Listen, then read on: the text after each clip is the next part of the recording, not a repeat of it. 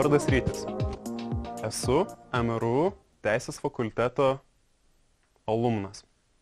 Ir teisę baigiau prieš mm, gana nemažai metų, 2007 metais. Buvo bakalauro studijos, porą metų vėliau baigiau jungtinę programą magistrantūros studijų Mykolo Romerio universitete ir Gento universitete Belgijoje. Taigi prabėgo nemažai metų nuo tada, kai palikau universiteto duris. Ir šiuo metu turiu pareigas, kurios nėra iš tikrųjų susijusios stipriai su teisė. Esu vadovas kompanijoje, kuri užsijama naftos ir dujų veikla, kuri tenka spręsti begalę įvairiausių klausimų ir pavyzdys, ką dariau paskutinius porą metų, labai daug laiko skiriau tokiam dalykui kaip skaitmeninė transformacija. Kaip būtent technologijų pagalba mūsų darbą padaryti efektyvesnį, įdomesnį ir inovatyviškesnį, inovatyvesnį. Taigi klausimas galėtų būti jūsų. Kodėl tada rinktis teisę, jeigu po to su ta teisė nelabai gal ir daug ką darai? Tai norėčiau apie tai ir pakalbėti šiandien plačiau. Tai visų pirma galiu pasakyti, kad mano karjera po universiteto buvo visiškai teisinė.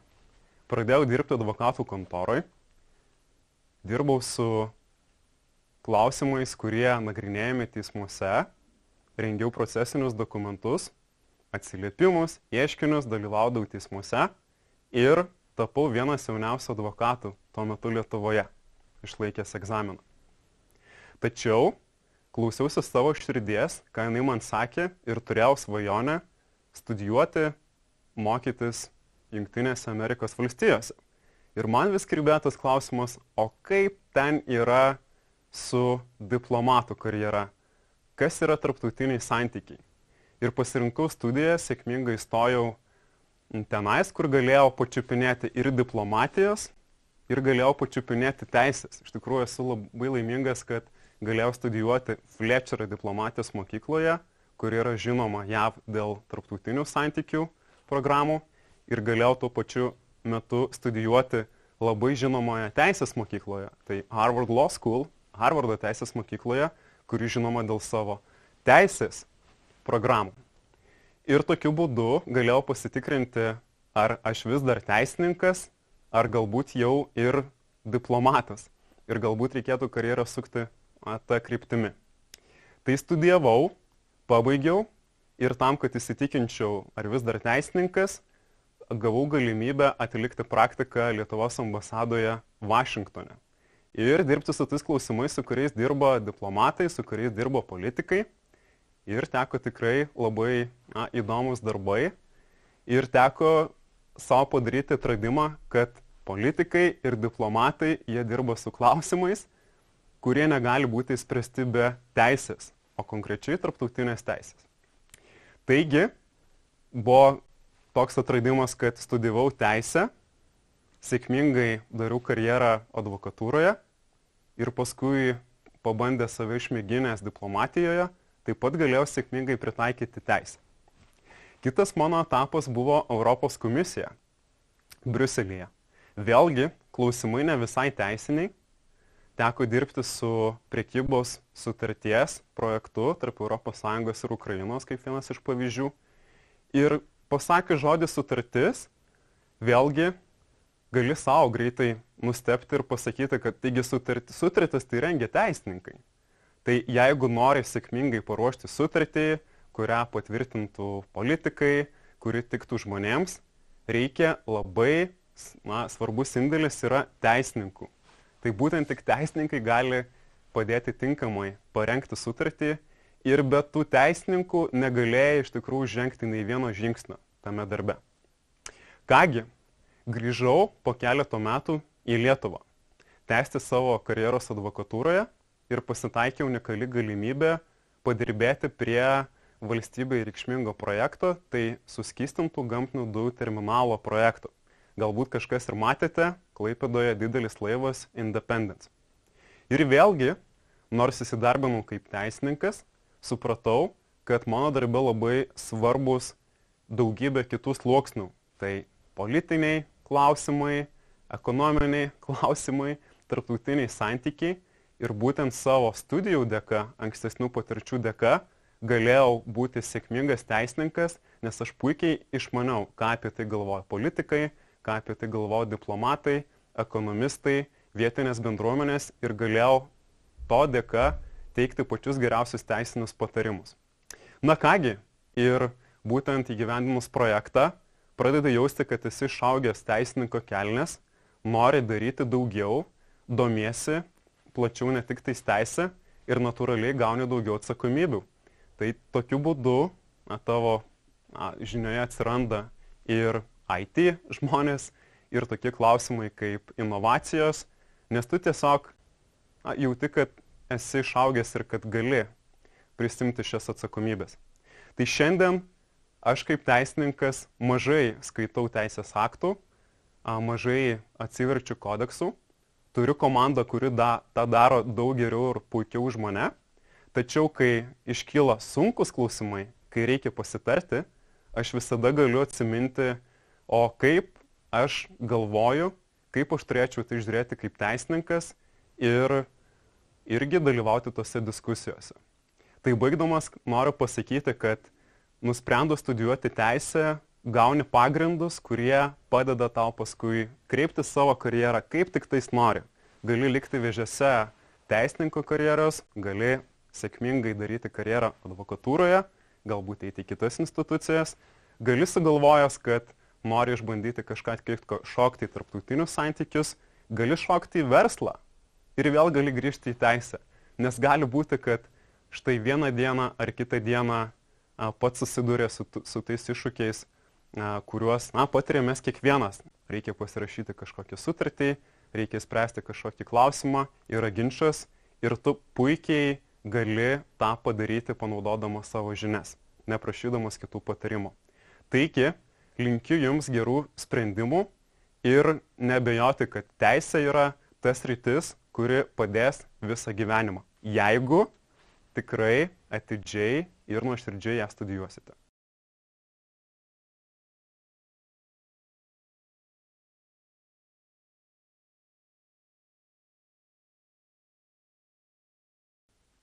Labas ryti. Labas. Labai norėčiau šiandieną tave pakalbinti apie studijas Mykolo Romerio universitete ir apie tavo profesinę karjerą. Ryti, Trumpai galbūt galėtum papasakoti, kuo šiuo metu užsiimi ir koks tas tavo profesinis kelias. Tai šiuo metu daugiausia laiko tenka skirti mano pagrindiniam darbui, kuris yra būtent vadovaujamasis darbas kompanijoje Klaipėdas nafta. Ir joje dirbau beveik jau devynerius metus, labai daug, kitą kartą už galvos galima griebtis, kaip čia taip galima išbūti laiko. Tačiau tai kompanija, kurioje man pavyko padaryti karjerą nuo tiesiog teisininko iki vieno iš aukščiausių vadovų. Šiandien mano atsakomybė yra daug visokiausių sričių. Tai yra ir ta pati teisė, tačiau kitos, kurios nieko bendro neturi su teisė, tai yra informacinės technologijos, ūkio visas valdymas, transfor skaitmeninė transformacija, rizikų valdymas, tvarumas, na ir dar daugelis kitų. Be to, Šiuo metu taip pat užimu pareigas dviejose kompanijose valdybose.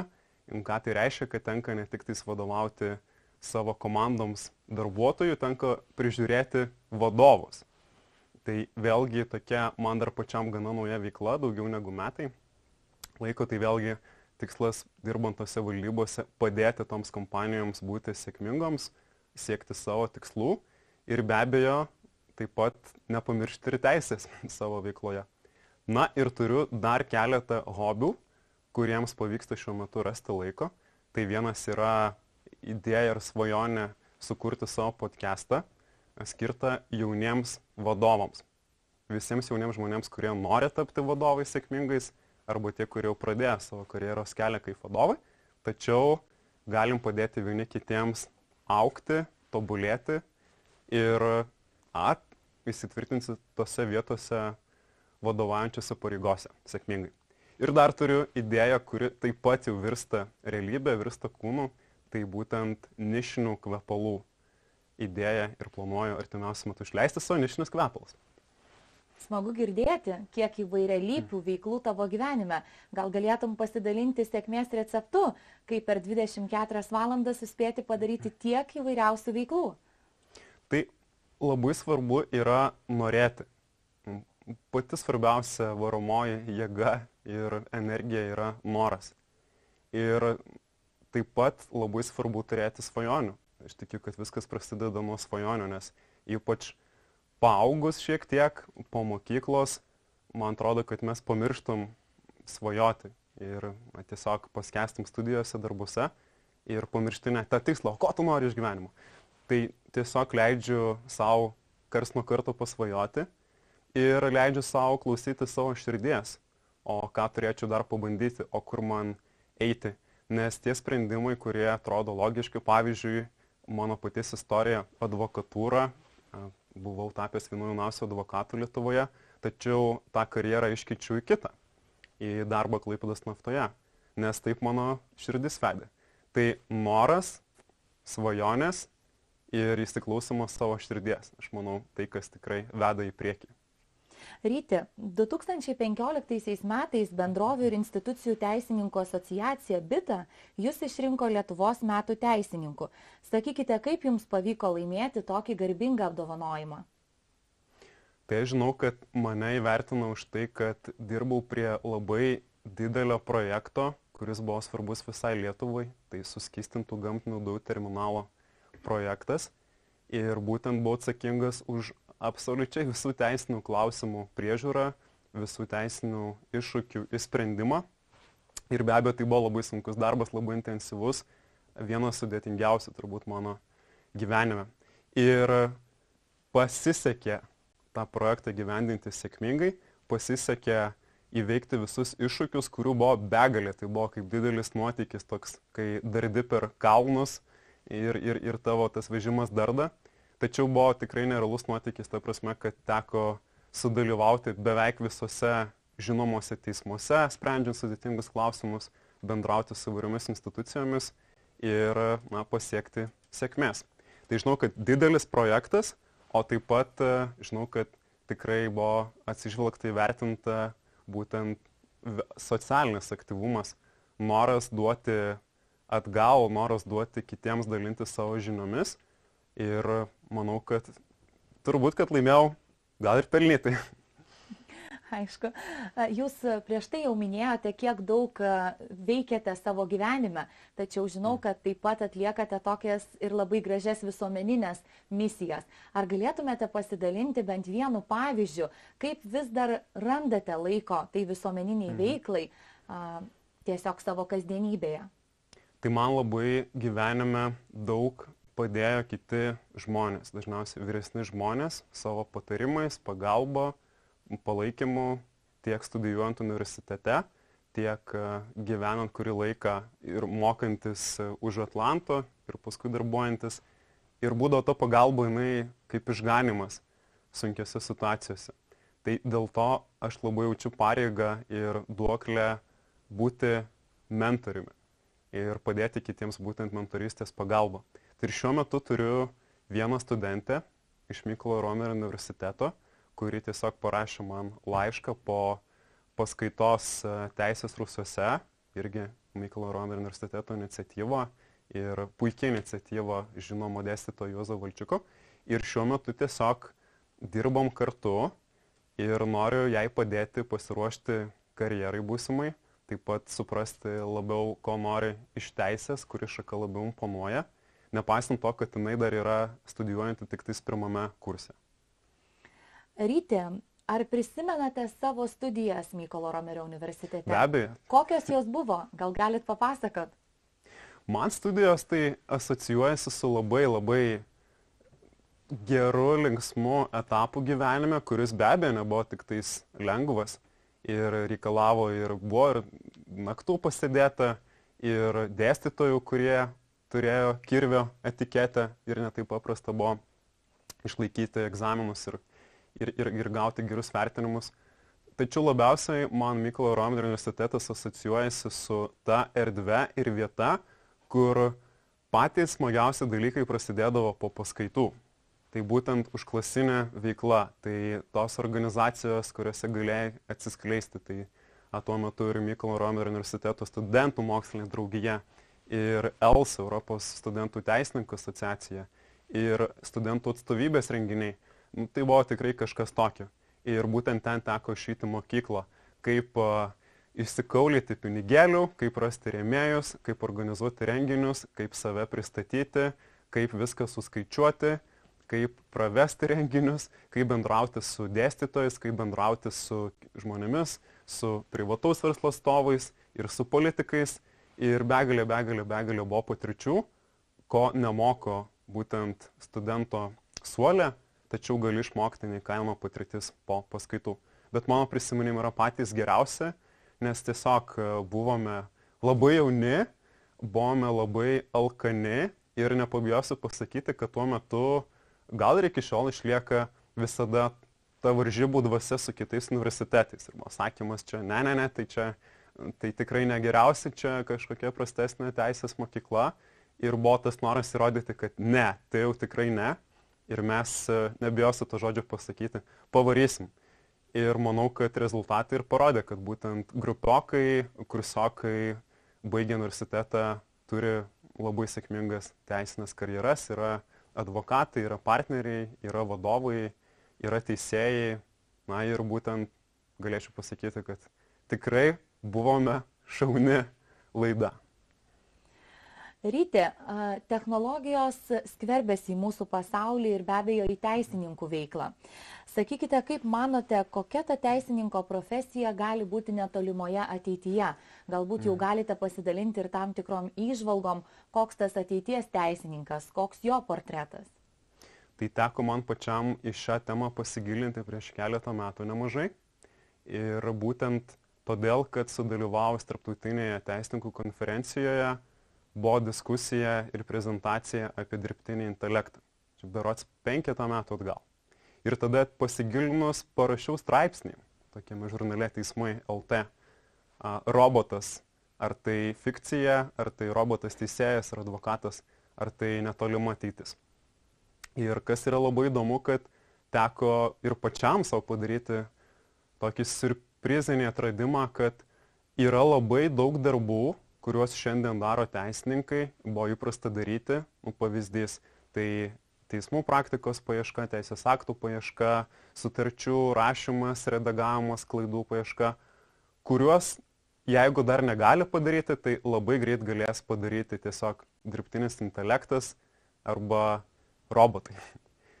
Ir čia yra pats pagrindinis atsakymas, kad taip, nebeužtenka tiesiog būti teisininku, kuris viską gali padaryti pats, o vis dėlto, norint tapti sėkmingu, efektyviu, tai reikės, jau dabar reikia derinti būtent savo skaitmeninį raštingumą, žinojimą, kaip naudotis tais įrankiais, kurie tau padeda sutaupyti labai daug laiko ir būtent koncentruotis į tokį sudėtingą protinį darbą.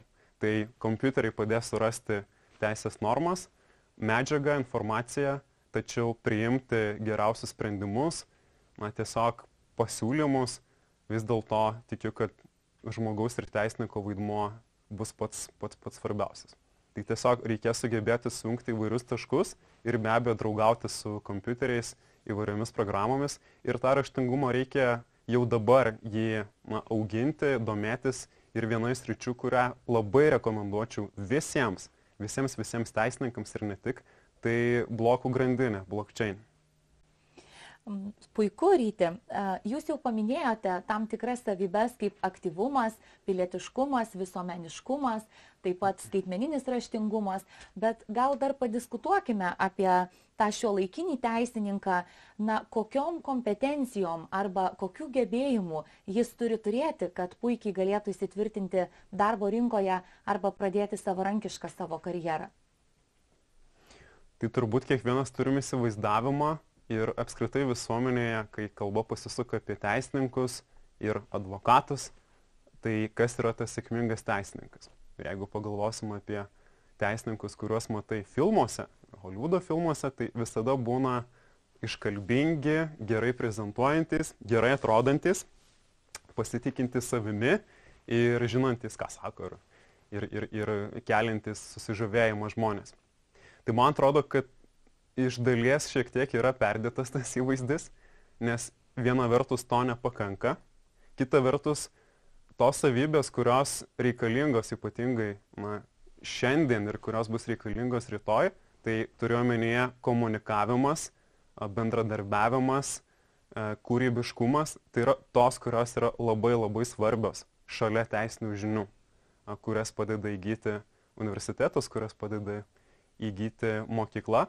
Tai žinios, žinojimas, kur rasti ir tada vis dėlto geras reprezentavimas, tiesiog išvertimas teisės, teisės normų į žmonėms suprantamą kalbą ir atgal. Tai sakyčiau, čia yra tos savybės. Ir be abejo, kas yra labai svarbu, tai teisė nėra kažkoksai dalykas, kuris veikia vakume. E, Visa tai na, vyksta tiesiog realiame pasaulyje. Tai domėjimasis ir supratimas, kas vyksta pasaulyje, kodėl vienaip kalba ekonomistai, ką galvoja politikai, ką galvoja galų gale mūsų tėvai, artimieji. Būtent tiesiog sujungimas visų tų taškų į vieną, tai yra tai, kas labai svarbu. Aš labai pritarčiau Jums ir gal net papildyčiau, kad iš tikrųjų šio laikinę matyti teisininkui viena iš pagrindinių kompetencijų turėtų būti arba galėtų būti gebėjimas nuolat mokytis ir atnaujinti mhm. žinias. Ir kaip Jūs labai teisingai pasakėte, iš tikrųjų šitą kompetenciją matyti ir padės išsilaikyti tam teisininkui ir teisę priartinti prie kiekvieno žmogaus. Ryti, norėčiau jūsų paklausti, ko jūs palinkėtumėt jaunam žmogui, nes šiuo metu mus stebi Lietuvos moksleiviai, kurie mhm. prie savo ekranų žiūri jūs ir galvoja, kad galbūt na, norėtų būti tokie kaip jūs. Tai sakykit, ko vat galėtumėt palinkėti tam jaunam žmogui, kuris gal na dar tik nedrasiai ieško savo karjeros kelio arba svajoja apie savo būsimą darbą ir profesiją? Tai aš labai, labai noriu palinkėti nebijoti nebijoti išdrysti, stoti ir rinktis tą kelią, kur, kuris atrodo tas, nu, va, kur tave veda tenai širdis. Tai tikrai nebijoti, nes nėra blogų pasirinkimų. Ir verta įsiklausyti savęs ir tiesiog nebijoti. Ir be abejo išdrysti svajoti, nes nuo svajonės prasideda visi sėkmingi keliai. Na ir nepamiršti, kad einant studento keliu, tai yra dvi dedamosios. Tai studijavimas ir studentavimas. Ir turbūt gerai sėkmė reikia abiejų dalių. Tai reikia ir studijų, tiesiog mokymosi, skirti tam laiko, nes žinios tiesiog neatsiranda iš niekur. E, darbui su dėstytojais, nepamiršti gerbti jų už tas žinias, kurias jie atneša. Ir kartu tas pats studentavimas. Tai turiu omenyje būti aktyviems po paskaitų, įsilieti organizacijų veiklą ir tobulėti. Ir turėti to taip vadinamojo fun, nes universitete tą tikrai gali patirti. Ryti, gal dar grįžkime į jūsų studijų laikus. Kadangi užsiminėte, kad yra dvi sudedamosios dalys studijų, tai ir mhm. linksmoji, ir sunkioji dalis, gal sakykit, atsimenat kokį nors komiškiausią arba juokingiausią įvykį, kuris jums nutiko studijų metu universitete? Gerai, vien, prisimenu vieną. Taip. Tai prisimenu studijas pačiame pirmame kurse ir būtent ypatinga proga, kuri buvo kovo 8, tai yra tarptautinė moterų diena, ir mūsų grupokų saujelės norą pasveikinti visas merginas mūsų grupės. O ką tai reiškia? Tai reiškia, kad mes keturiesi nusprendėme pasveikinti 30, 30 kelias merginas. Ir nupirkome daug rožių, susimetę pinigėlių ir netėm į seminarą, tam, kad galėtume įsiveršti ir padaryti staigmeną. Tai niekas apie tai nežinojo ir dėstytoja mums už nedalyvavimą buvo surašęs ir minusus, kaip oh. už praleistą paskaitą. Tačiau, kai įsiveržėm su tuo glebiu rožiu, viskas pasikeitė. Tai buvo daug šypsenų ir be abejo tie minusai tapo pliusais. Tai čia tik vienas iš, tik vienas iš tų įvykių, kurie prisimenu su šypsena na, smagu girdėti tokią gražią iniciatyvą um, ir gražus noras, kuris, na, išprovokavo netgi ir neigiamą įvertinimą. Uh, sakykit, ryte, jūs užsiminėte, kad, na, turite tam tikrų ir svajonių ir netgi mhm. pasidalinote vieną idėją. Uh, netgi realiu produktu, kad, na, paleisite į gyvenimą savo nišinių kvepalų liniją. Gal mhm. galėtumėt padetalizuoti truputėlį, kaip gimė teisininkui mintis įeiti į parfumerijos pasaulį? Tai man atrodo labai svarbu apskritai atskirti ir aš pats susidūriau per savo karjerą, kad teisininkas yra kažkokia aureolė stigma turintis žmogus. Tai jeigu teisininkas, tai pavyzdžiui, jisai pakalbėjo su verslininkais, teisininkai tie, kurie trukdo dirbti. Žinot, ten reikalauja kažko, ten su jais tik vienas problemas paskui. Ir tos problemos sprendžiamos tik tada teisininkų reikia, kai kažko prisidirbai. Kai taip tikrai neturėtų būti, nes teisininkas gali patarti ir, ir padėti išvengti tų bėdų, kai jau per vėlų būna. Tai tiesiog man atrodo, kad tai viena iš mano yra asmenybės dalių, kūrybiškumas, noras realizuoti save per gal net tam tikrą kūrybą, menus, atėjęs iš vaikystės, kai tuo metu nemažai piešiau ir tėvai net norėjo vesti į dailės mokyklą. Ir tiesiog vėl gyvenime prieini tą etapą, kai galvoju, o kodėlgi to nepadaręs. Tai tiesiog spontaniškai gimusi idėja iš vieno pokalbio su bičiuliu parfumeriu prieš keletą metų ir kuri dabar įgauna kūną. Ar galim sužinoti, kada galėsime išvysti jūsų kvepalų liniją? Tai tikrai tą bus galima padaryti jau šią vasarą. Tikiuosi, kad nesutrukdys ir dabartinė situacija ir išmėginti tą kvapą. Kadangi ryti mus stebi jauni žmonės, kurie dar iš tikrųjų galbūt net nėra, nėra nusprendę, kad studijuos teisės krypties studijas, gal kažkas domis ir kitų a, krypčių studijomis, sakykite, jeigu galėtumėt sugražinti laiką atgal ir atsukti, sakykime, dešimt metų atgal, ar tas rytis rinktųsi studijas irgi teisės, mhm. ar pasirinktumėt kitokias krypties studijas? Tai aš galiu tiesiog atskleisti, kad aš sugebėjau pabaigti po teisės studijų, po bakalauro studijų tris magistro dar studijas, kas yra kartais neįtikėtina, pačiam galvoju gal ištrenktas. Ir vienas iš paskutinių, tai būtent paskutinis laipsnis yra neteisės studijos, tai vadovo magistrantūra. Ir galiu palyginti, tai teisės studijos, paskui studijos Europoje, studijos JAV, studijos būtent visiškai kitoje srityje. Tai tikrai žinau, kad teisės studijos tai yra pats geriausias nutikęs profesinis dalykas mano gyvenime. Nes tuo metu, kai stojau, galvojau, kad man patinka politika, tarptautiniai santykiai ir rašiau pirmo pasirinkimu, o antroji rašiau teisę. Ir neįstojau, pritruko labai labai ten mažyčio procenčiuko įstoti. Ir po keleto metų, labai patiko tarptautinė teisė, teko pabaigti tarptautinės teisės magistro studijas ir aš supratau, kad aš pabaigęs tas studijas esu pranašesnis, ir čia mano nuomonė, atsiprašau kolegų, kurie baigė politikos mokslus, esu pranašesnis diskusijose, pokalbiuose, dirbant ambasadoje, ką teko padaryti su mano kolegomis, nes aš išmanau tarptautinę teisę, kuri yra visako pagrindas visų tarptautinių santykių. Tai buvo tas vienas didžiausių atradimų. O teisė tai yra tas rytis, kuri yra, jinai yra universali nes teisės reikia kasdien gyvenime. Ir jos kuo toliau, tuo jos reikia daugiau, nes yra daugiau reguliavimo, daugiau sudėtingų klausimų. Tai mano nuomonė, puikus teisės išmanimas yra toks pagrindas, kuris labai tau padeda vėliau gyvenime, sprendžiant savo reikalus. Ir be abejo, na, reikia teisės rytyje, tai aš manau, kad galimybės yra nu, neįtikėtinos. Ir šiandien ir artimiausiu metu, nes teisinių sudėtingų klausimų jų tik tais daugėja. Tai tikrai atsakymas yra taip, rekomenduoju, nebent visiškai nemėgstate skaityti knygų, kodeksų, tada galbūt reiktų kažką kitko. Bendraudamas su jumis iš tikrųjų pastebėjau, kad esat kūrybiškas ir laisvas, esat kūrybiška ir laisva asmenybė. Sakykite, kokioje aplinkoje jūs augote pats? Ar ji jūs skatino, ar palaikė, ar trukdė? Gal galėtumėt pakomentuoti?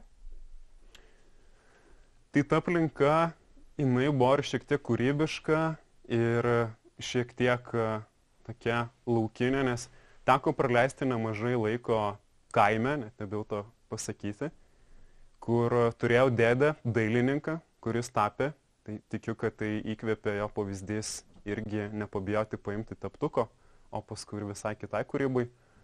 O apskritai tai manau, kad nu, idėjos, ką daryti gyvenime, jos turbūt ateina, jos ir ateina iš aplinkos, tačiau mano, mano giminėje, mano tėvų gret, šeimos gretose nėra teisininkų. Ir bent anksčiau būdavo toksai mitas, kad, nu, čia kažkokie teisininkų klanai ir čia kažkaip tau sunku bus, jeigu, jeigu neturi tėvų teisininkų, tai nieko panašaus. Tikrai nežinau, kas įkvėpė rinktis šitą kelią, tačiau žinau, kad kai atėjo metas apsispręsti, ką noriu studijuoti, tai paskutinėje 12 klasėje man ir buvo arba noriu tarptautinius santykius politologiją, nu, arba teisę. Tiesiog tu kažkaip vat, jauti. E, iš tikrųjų girdim, kad e, sukūrėt ne vieną idėją ir ne vieną idėją paleidot į gyvenimą. Ir dabar jau kalbat ir apie tam tikrų nišinių kvepalų liniją, kas irgi sąlygoja net tam tikro ir verslo atsiradimą. Sakykit, kokiais principais vadovaujatės įgyvendindamas savo idėją, savo mhm. planus? Mhm. Man atrodo, kad gal pats svarbiausias principas tai yra nežiūrėti į pinigus, nežiūrėti į komercinę naudą. Ir tai yra pats svarbiausias principas, nes jeigu turi idėją, kurią labai pats tiki ir tiki, kad ta idėja gali sukurti tam tikro gėrio ir šiek tiek pakeisti pasaulį, padaryti geresniu, tai ją reikia daryti. Tai man turbūt va, viena iš tų svarbiausių dedamųjų. Tiesiog turi svajonę pirmin, paskui išsiaiškinsi, kaip, kaip ten bus su tais sunkumais. Tačiau juos visus tikrai įveiksi. Aišku. Ir galbūt dar pabaigai norėčiau jūsų paklausti, Ryti, kokios jūsų dabar ateities svajonės? Gal jau kuriate naujus planus, naujas idėjas kažkokiems projektams ar veikloms? Apie ką svajojat? Tai šiuo metu viena svajonė yra labai praktiška, tiesiog įsikurti ir tas įsikurti reiškia dar ir pasistatyti namo, kažkada ateina tas metas ir žinau, kad tai bus tikrai labai didelis projektas. Tiesiog. Tai kaip universiteto baigimas. Tai čia praktinė svajonė. O iš kitų tai be abejo atrodo, kad jau viskas čia pat, tačiau būtent jaunojo vadovo podcastas ir yra ta svajonė, kuri tiesiog vat, rankos atstumu pasiekiama, tačiau tikrai dar reikės to pastudijavimo, tos sunkesnės dalies prieš galint studentauti ir būtent jau pradėti laidas. Ačiū Jums ryti už įkvepiantį atvirą pokalbį ir už jūsų pasidalinimą patirtimi, studijuojant ir prisimenant studijas Mykolo Romerio universitete. Tai ačiū Jums ir tikrai labai malonu pabūti čia ir pabendrauti, jaučiant, kad mus žiūri moksleiviai.